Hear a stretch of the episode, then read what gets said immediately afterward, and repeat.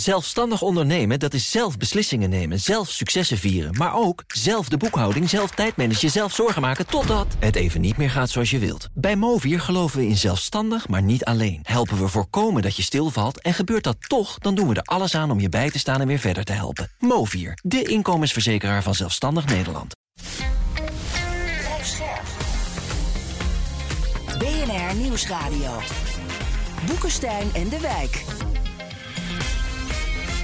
Paul van Liemt. Welkom bij Boekenstein en de Wijk. Het is vrijdag dag 485 van de oorlog in Oekraïne. Ja, Arend-Jan, we gaan natuurlijk over die brug, denk ik, beginnen. Ja, zeker die brug. En eh, dat grote, ik ga een aantal vragen aan Rob, want ik heb het allemaal zitten bestuderen. Het is, weet, je, weet je, Rob, het zijn dus twee bruggen naast elkaar. Hè, wat kleiner en een wat grotere. En de ene zit een gat en de andere is ook beschadigd. Maar het is niet helemaal kapot. Hè? Je kunt het herstellen. Hè? Sommige mensen zeggen dat het in september hersteld zou kunnen zijn. De Russen zeggen dat het eerder komt. Nou, even een aantal domme vragen. Je hebt dan, waarschijnlijk is dat de Britse raketten, die Storm Shadow of zo. Waarom doe je er dan niet drie, dat het echt helemaal kapot is? Waar, waarom doe je dit? Doe je dit omdat je dan toch bang bent voor, voor een uh, escalatie? Nee, kijk, weet je, ik weet niet precies hoe dat gegaan is. Jij geeft aan dat die Storm Shadow uh, is. Het kunnen ook andere middelen zijn. Dat weet ik niet. Dat zal allemaal nog, uh, nog moeten worden, worden bewezen. het, is, het enige wat je erover kunt zeggen is dat het volstrekt logisch is om zo'n brug proberen onschadelijk te maken. Wat we ook weten is dat dat tamelijk lastig is. Want een projectiel moet zo'n brug namelijk A, raken. Dus je kunt ook gewoon missen. Uh, en je moet uh, door de bank genomen moet je wel heel veel explosieve kracht op een brug loslaten uh, om hem echt helemaal kapot te maken. Ja. dus ehm, dat hebben we ook gezien met die roemberuchte brug die de Krim met Rusland. ja, exact. daar is een enorme explosie geweest. Wanneer was dat? Een half jaar geleden of iets dergelijks. Helemaal kapot. Maar je ziet dan ook dat vrij snel de boel weer op, opgelapt, op, op, opgelapt wordt en op, op orde komt. En bovendien zijn er al, je kun je altijd met kunst en vliegwerk kun je dat, kun je dat repareren. Maar het is wel betekenisvol. Want dit betekent namelijk dat Oekraïne probeert om de Krim af te sluiten van de andere bezette gebieden. Ja, en voor de, de, uh, de Oekraïners is de Krim het zogenaamde zwaartepunt. Een zwaartepunt betekent dus feitelijk, als je dat pakt, uh, dan stort de rest in. Dat is het idee uh, wat erachter zit. We hebben een jaar geleden hebben we deze theorie, die gehuldigd wordt door de Oekraïnse militaire staf, al eens een keer uitgebreid besproken. En dat is niet veranderd. Wil je echt gewoon Rusland slopen, dan moet je de Krim pakken. Want de bevoorrading gaat via de Krim. Onder andere. Nee, niet helemaal natuurlijk, maar in dat deel van het bezette gebied wel. He, want je kunt natuurlijk ook gewoon in het oosten komt het gewoon over, uh, over de grens heen. Ja. Ik bedoel, zo, zo simpel is dat. Maar uh, het, het past volstrekt in, uh, in het aanpakken van de logistieke aanvoerlijnen vanuit de Krim uh, naar, laten we zeggen, de verdediging tegen de aanvallen die ehm, Oekraïne uitvoert in de Zaporizhia-oblast. Nou, als je even kijkt wat er op dit ogenblik gebeurt. Uh, dan in de Luhanske oblast, zeg maar in het oosten, uh, wordt uh, hard gevochten. Dan wordt er gevochten op de grens van de Donetsk en de Zaporizhia oblast. Belangrijk, want dat, als je daar succes boekt, dan ligt in theorie hè, de weg open naar Mariupol. Uh, en verder naar het uh, westen uh, zie je dat er hard wordt gevochten. in de Zaporizhia Oblast ben je daar succesvol. Dan ben je in staat om door te stoten via Tokmak naar Melitopol. Ehm, nou, dat dat gaat niet goed op dit ogenblik. We hebben een paar dagen geleden hebben het erover gehad dat er uit Kiev een het bericht kwam dat er een operationele pauze wordt ingelast. Ja, dat kan allemaal zo wezen. Maar als de andere zich daar niet aan houdt, aan die operationele pauze, in dit geval de Russen, dan, ja, dan moet je gewoon keihard doorvechten. En ik zie dus ook overal langs dat front zie ik, als je heel nauwkeurig uh, kijkt, uh, dat de Russen ook feitelijk in het offensief zijn. En daar ook weer ook af en toe terreinwinst boeken. We focussen ons erg op de, de, de, drie assen, of soms zijn het er vier, van eh, van Oekraïne. Maar vergeet niet dat de Russen ook wat uh, doen en af en toe ook terreinwinst uh, boeken. Dus het is een zeer diffuse situatie. Die operationele pauze, ja, die vertaalt zich mogelijkerwijs in wat geringe intensiteit van de gevechten.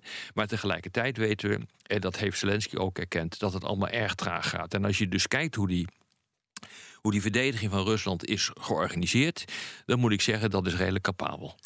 Sergei Shoigu een aantal dagen geleden voorspelde dat er een aanval zou komen op de Krim. En hij zei van als dat gebeurt, dan gaan wij retaliëren, gaan wij terug. Vooral tegen de besluitvormingscentra. En wat hij dan eigenlijk bedoelt is gewoon uh, Kiev. Het, uh, Kiev en dan met name het presidentiële. Uh, de presidentiële administratie, ministerie van, van Defensie, dat is tot nu toe niet gebeurd. Hè? Dus, dus feitelijk een rode lijn die ze in acht hebben genomen, dat doen ze dus niet. Dat is, dat is wel interessant om je dat even te realiseren. En gaat dat nu wel gebeuren, omdat je Ik heb geen idee. moet blijven? Nee, ik denk dat dit niet ernstig uh, genoeg is.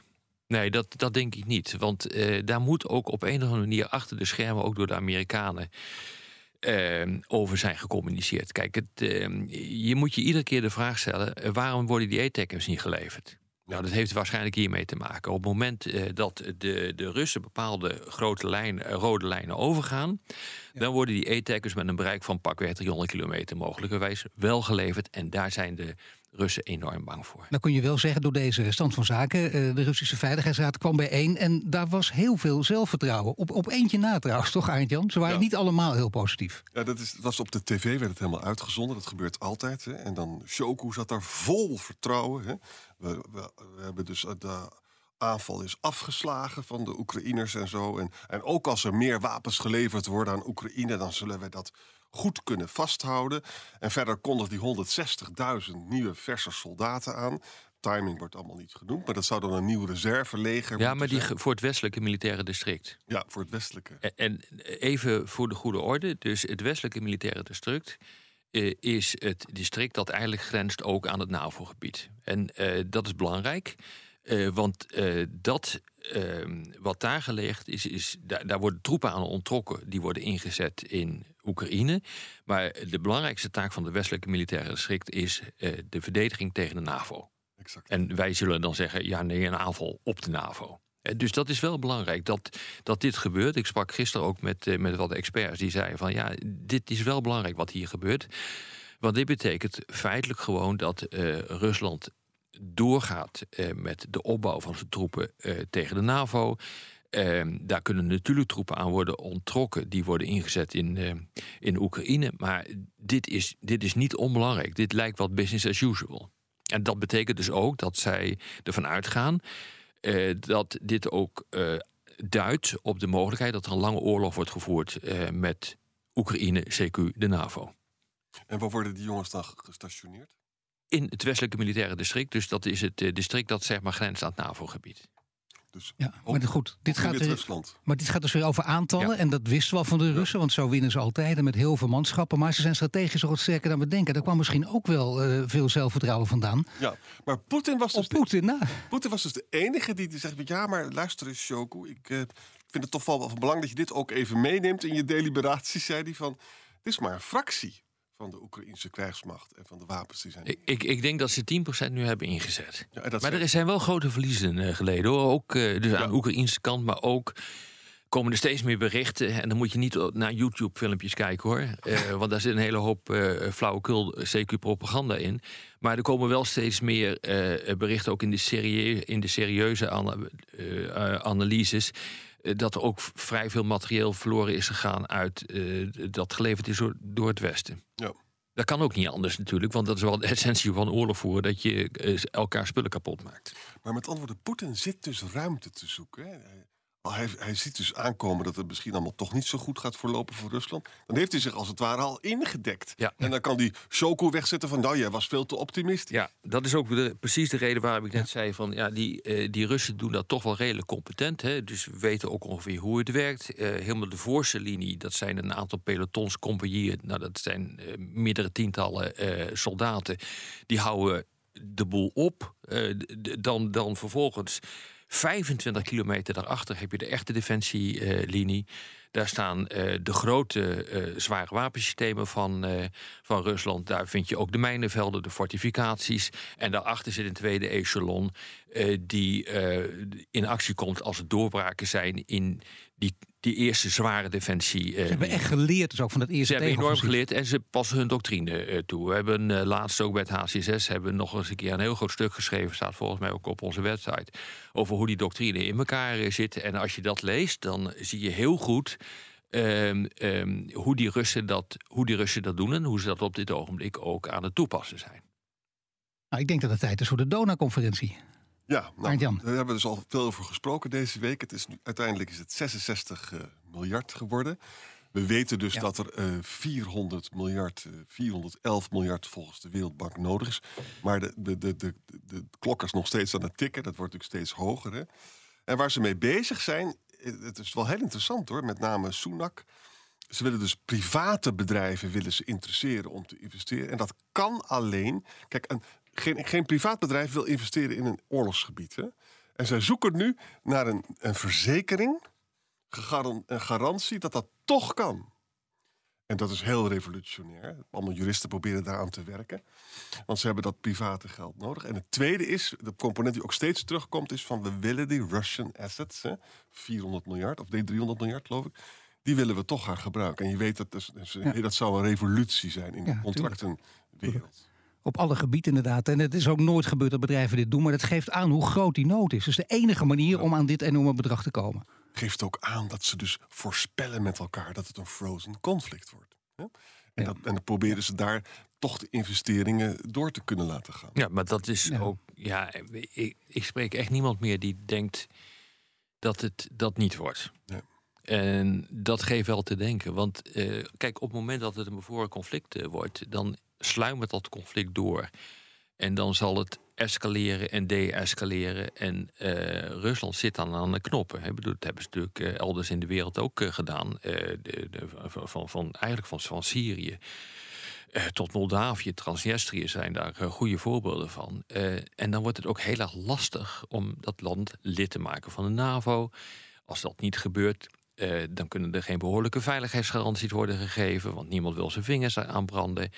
Dat betekent dat er een continue onveiligheid eh, eh, bestaat in dat land. En dan is het ook heel erg lastig om aan de wederopbouw eh, van Oekraïne te gaan, te gaan werken. Nou, dit is echt een, voor, voor de beleidsmakers is het echt een, een, een nachtmerrie. Want hoe kom je hieruit? Ik heb dat aan verschillende mensen gevraagd die ook echt aan de knoppen zitten. En eh, dat wordt altijd beantwoord met de wedervraag van... ja, wat denk jij eigenlijk? Ja, en dat zijn dus mensen die aan de knoppen zitten. En dat zijn de mensen die aan de knoppen zitten. Ja. Terra incognita. Nou, Belarus denk ik. Ja, Belarus, nou ja, even heel kort daarover. Kijk, als je kijkt, eh, wat, wat, wat Poetin met eh, Oekraïne wil, dan wil hij dat land inlijven. Hè? Demilitarisering heeft daarmee eh, te maken. Denazificatie betekent het regime weg en, en eh, een, een marionettenregime daar neerzetten. Ehm, of dat betekent dat het hele land helemaal wordt ingelijfd bij, eh, bij Rusland, dat is een andere vraag. Eh, het kan ook het model zijn van Belarus. Eh, waar al lang geleden is bepaald dat er een soort van uniestaat is, Rusland, Belarus. En je ziet nu dat er steeds meer bewijs komt. En dat hebben wij ook heel vaak gezegd. hebben ook voorspeld dat dat ging gaan, ging, zou gaan gebeuren. dat Belarus eigenlijk gewoon een vazalstaat wordt van, eh, van Rusland. Dus eh, stap voor stap zie je dus dat eh, dat, dat land wordt geïncorporeerd. Het feit dat er nu kernwapens, ze zijn er nog niet, is mijn laatste informatie. Ook al zijn die berichten continu in de wereld geslingerd dat ze er al zouden zijn. Maar mijn informatie is dat ze er nog niet zijn, maar er wordt wel opgeleid. Er worden ook Belarussische militairen opgeleid om dat te kunnen beschermen. Nou, ga zo maar door. Maar zelfs ook de luchtmacht, eh, die wordt eh, nu opgeleid om ervoor te zorgen dat die kernwapens eventueel zelfs nog eens een keer eh, door Belarussische ehm, eh, militairen kunnen worden eh, gebruikt. Nou, ga zo maar door. Dus dat, dat loopt. Daardoor krijgt eh, Poetin weer een additionele grip op dat land. Maar het is natuurlijk het interessante dat de wijze waarop eh, de verkiezingen van wanneer was dat 2020, hè, denk ik, eh, totaal van de, de rails zijn gelopen voor, eh, voor Lukashenko. En hij heeft toen moeten, ja, een heel hard moeten ingrijpen om die opstanden die grote protesten de kop in te drukken. Op dat moment hebben wij Europeanen gezegd van Lukashenko, wij willen geen, geen zaken met jou doen. We hebben hem gesanctioneerd. Maar het gevolg daarvan is, het, het- even dus over strategisch denken, het gevolg daarvan is dat Poetin in dat gat is eh, gesprongen, waardoor eigenlijk die vazalstaat door de wijze waarop wij met die verkiezingen zijn omgegaan. Wat ook op zich logisch is. Maar wij hebben natuurlijk overal een vingertje over. Dus dit konden we ook niet accepteren. Maar het gevolg daarvan wel is wel eh, dat Poetin met, eh, met grote overtuigingskracht kon zeggen van... ik ga je wel helpen. Ja, maar er zit toch een andere kant aan van... oppositie was heel sterk in Wit-Rusland. Echt heel sterk, hè? Dus bloedig eh, neergeslagen, met hulp van de Russen overigens. Hè? Nu is het wel zo, kijk, Lukashenko heeft dus geen enkel gezicht meer bij zijn eigen burgers. Hè? Dit is allemaal gewoon Poetin. En dat betekent dat op, op termijn die oppositie daar natuurlijk asymmetrische dingen gaat doen. En dat dus Poetin heel veel repressie zal daar moeten doen om daar aan de macht te blijven. Ook niet zo'n hele leuke Nou ja, dat, kijk eens, hij heeft Oekraïne, heeft hij, is hij binnengevallen met zijn krijgsmacht, met zijn landmacht en, eh, enzovoort.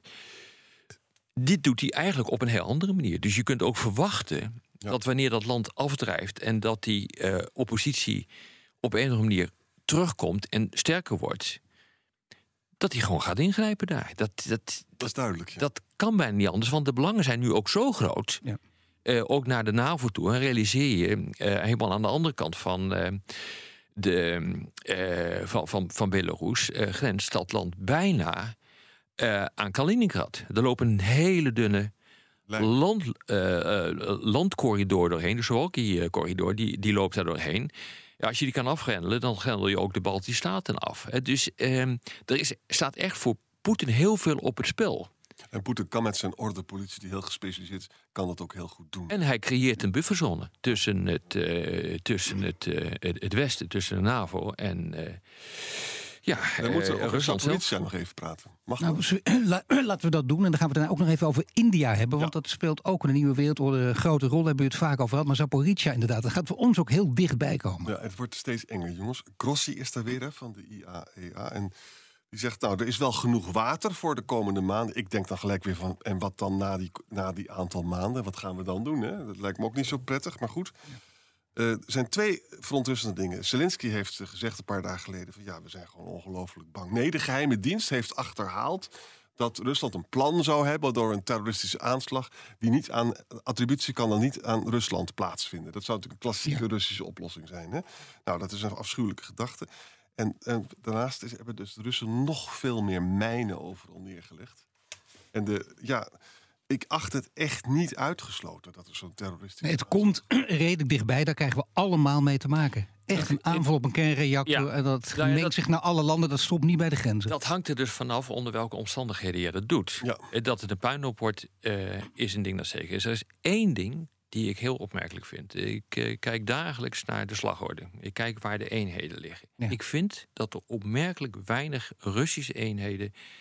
in de wijde omgeving van die eh, kerncentrale eh, te vinden zijn. Niet voor niks, hè? En jij zegt niet voor niks. Ik zou die eh, conclusie nog niet eh, willen trekken. Maar ik, ik volg dat heel goed van wat daar aan de hand is. Het, het, het zou er inderdaad op kunnen duiden eh, dat je dus je troepen vrij snel uit dat gebied wil terugtrekken. Maar ehm, of het allemaal waar is, ik weet het niet. Maar ik vind het opmerkelijk eh, hoe relatief weinig troepen daar gelegen zijn.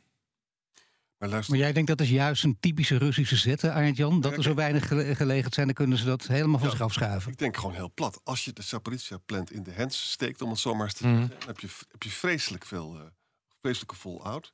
Dan heb je via die route, voorkom je dat Oekraïne bij de Krim komt. Toch? Nee, dat kan je zo niet zeggen. Nee. Maar de fallout is heel groot. Dat kan je ook natuurlijk niet zeggen. Dat hangt er maar net vanaf hoe je het doet. Nee, dat kun je zo, eh, nee, die conclusies kun je volgens mij niet trekken. Eh, dan, moet je echt eens even, dan moeten we eens even echt aan een eh, expert gaan vragen van eh, wat er dan zou, kan, eh, zou kunnen gaan gebeuren. Eh, eh, iedereen denkt eh, onmiddellijk aan Tsjernobyl. Ja. Konden we in Nederland Ja. ook geen spinazie meer eten. Dat, eh, dat, dat was echt zo. Eh, maar volgens mij zijn daar me- meerdere scenario's mogelijk. Eh, Maar dat moet je echt even aan de experts vragen. Van wat daar de consequenties van zijn. Van een explosie of een implosie of wat het ook allemaal zou zijn. Maar je kunt niet zomaar zeggen van.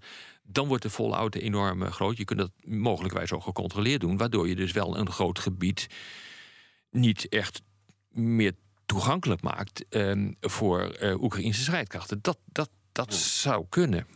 Maar dat, moet- dat, dat zou, daar zou eens een keer een aparte Ja. podcast over moeten maken. Oké, wat ik eh, aankondigde, Modi natuurlijk, hè, voor een enorm eh, druk bezet driedaagse bezoek in Amerika. En dat geeft ook alles aan over die veranderende wereldorde waar jullie ook bovenop zitten, ook als het over India gaat. Arend Jan. Nou, dit is echt ongelooflijk. Het is echt een staatsbezoek. Hè? Ja. Nogmaals, er zijn nog maar twee eh, andere landen geweest die die eer hebben gekregen. Macron natuurlijk, hè? En maar ook Zuid-Korea. En nu krijgt dus India dat. Eh, Biden spreekt totaal niet meer over mensenrechten of zo. Dus het hele verhaal over autocratie versus democratie, dat, dat horen we even niet meer. En wordt echt alles wordt uit de kast getrokken. Als ze dan dus eh, allemaal overeenkomsten ondertekenen, dan zie je dus de Bold Eagle en de pauw van India, weet je wel, daarachter. Ja. Overal lotusbloemen. Kosten toch moeite zijn gespaard. De kleur safraan, overal heel mooi. Joshua Bell, de grote violist, mag daar eventjes lekker strijken. En ook een a cappella muziek en weet ik allemaal wel niet. Maar wat is nou, Ah, wat is er uitgekomen? wat is nou echt uitgekomen, Hartjan? Nou, eerste. ehm, er is een allemaal gemeenschappelijk initiatief op het gebied van telecommunicatie, chips en AI. Dus heel interessant. Dus Ame- Amerika gaat dus ook chips bouwen in India, gemeenschappelijk met eh, India. Dat, dat zou Nederland nou bijvoorbeeld ook kunnen doen, of Europa. Hè? India is een belangrijk land. Tweede, ze gaan, eh, oh ja, ze gaan een gemeenschappelijke missie doen naar dat International Space Station. Hè? Ik meen dat dus dat de Russen zijn daar uitgestapt, zeg ik dat goed, jongens? En de In- India heeft daar natuurlijk allemaal eh, wensen, dus dat voor India is dat belangrijk. Ze gaan eh, die vliegtuigmachines maken die je dus in de Boeing Hornet kan gebruiken. Die gaan ze in India maken. Dat is voor India natuurlijk prettig. Ze, de, de, de Indiërs gaan 3 miljard aanschaf van Predator drones doen. Dat zijn wel heel, de echte beste drones. Hè.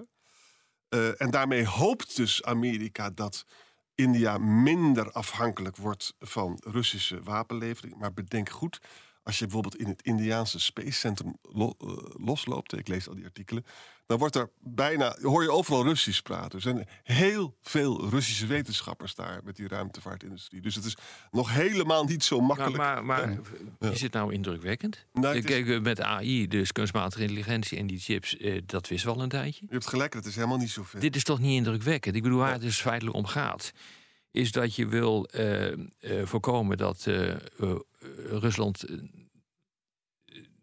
op deze relatie kan onderhouden met India. Eh, Dat eh, India energie kan kopen eh, van Rusland. Wapens koopt van Rusland. Nou, Ja. daar is niets over gezegd volgens mij. Nee, en het zijn dus ook, het zijn ook niet interoperabel, hè, want ze hebben Amerikaanse en Russische wapens. Dat is een groot probleem voor India. Maar Rob heeft helemaal gelijk. Eigenlijk is het mislukt. Hè. Biden sprak over. Nou, dat vind This is dus the most consequential partnership in the world. Amerika-India. Wat, wat zegt Modi? Modi weigert Rusland als schuldige te noemen in de Oekraïne. Ja. Is volstrekt neutraal. Koopt zich helemaal suf aan olie. En zegt ook van, ja, luister, ik was in 2016 de tiende economie. Nu ben ik de vijfde economie. Ja. En ik ben dus groter dan de Verenigd Koninkrijk. Nee, Rob heeft gelijk. Het is, het is Er gewoon, is gewoon niks niet uit- gelukt. Er is gewoon niks uitgekomen. En dat Ja. had je ook kunnen verwachten. Ja. Eh, want door die eh, Oekraïne-oorlog eh, heeft eh, India een veel grotere status gekregen. Ja. In één klap wordt het van belang of je wel of niet partij kiest voor of Rusland, China of voor het Westen, of dat je neutraal bent. Eh, de, de- de- door die Oekraïne-crisis is eigenlijk gewoon het hele idee van niet gebonden landen nieuw leven is ingeblazen. Dat, en dat heet dan Global South tegenwoordig. Maar feitelijk is India bezig om zich te ontwikkelen tot de leider van de Global South. Ja. Nou, en dat betekent gewoon dat India zegt van bekijk het maar wat jullie allemaal doen. Voer lekker een oorlog. We vinden het allemaal heel erg wat daar gebeurt. Laat het ook zo snel mogelijk afgelopen zijn. Want dan kunnen we tenminste lekker handel gaan, eh, gaan horen. Maar wij gaan ons er niet tegenaan bemoeien. En daarom stemmen ze ook bij alle resoluties tegen Rusland neutraal. Dus ook India is door de Oekraïne-oorlog veel belangrijker geworden. En dit was de, de Oekraïne-update. Ik dank eh Arend Jan, ik dank Rob, ik dank u voor het luisteren en graag tot de volgende. Zelfstandig ondernemen, dat is zelf beslissingen nemen, zelf successen vieren... maar ook zelf de boekhouding, zelf tijdmanagen, zelf zorgen maken... totdat het even niet meer gaat zoals je wilt. Bij Movier geloven we in zelfstandig, maar niet alleen. Helpen we voorkomen dat je stilvalt en gebeurt dat toch... dan doen we er alles aan om je bij te staan en weer verder te helpen. Movier, de inkomensverzekeraar van Zelfstandig Nederland.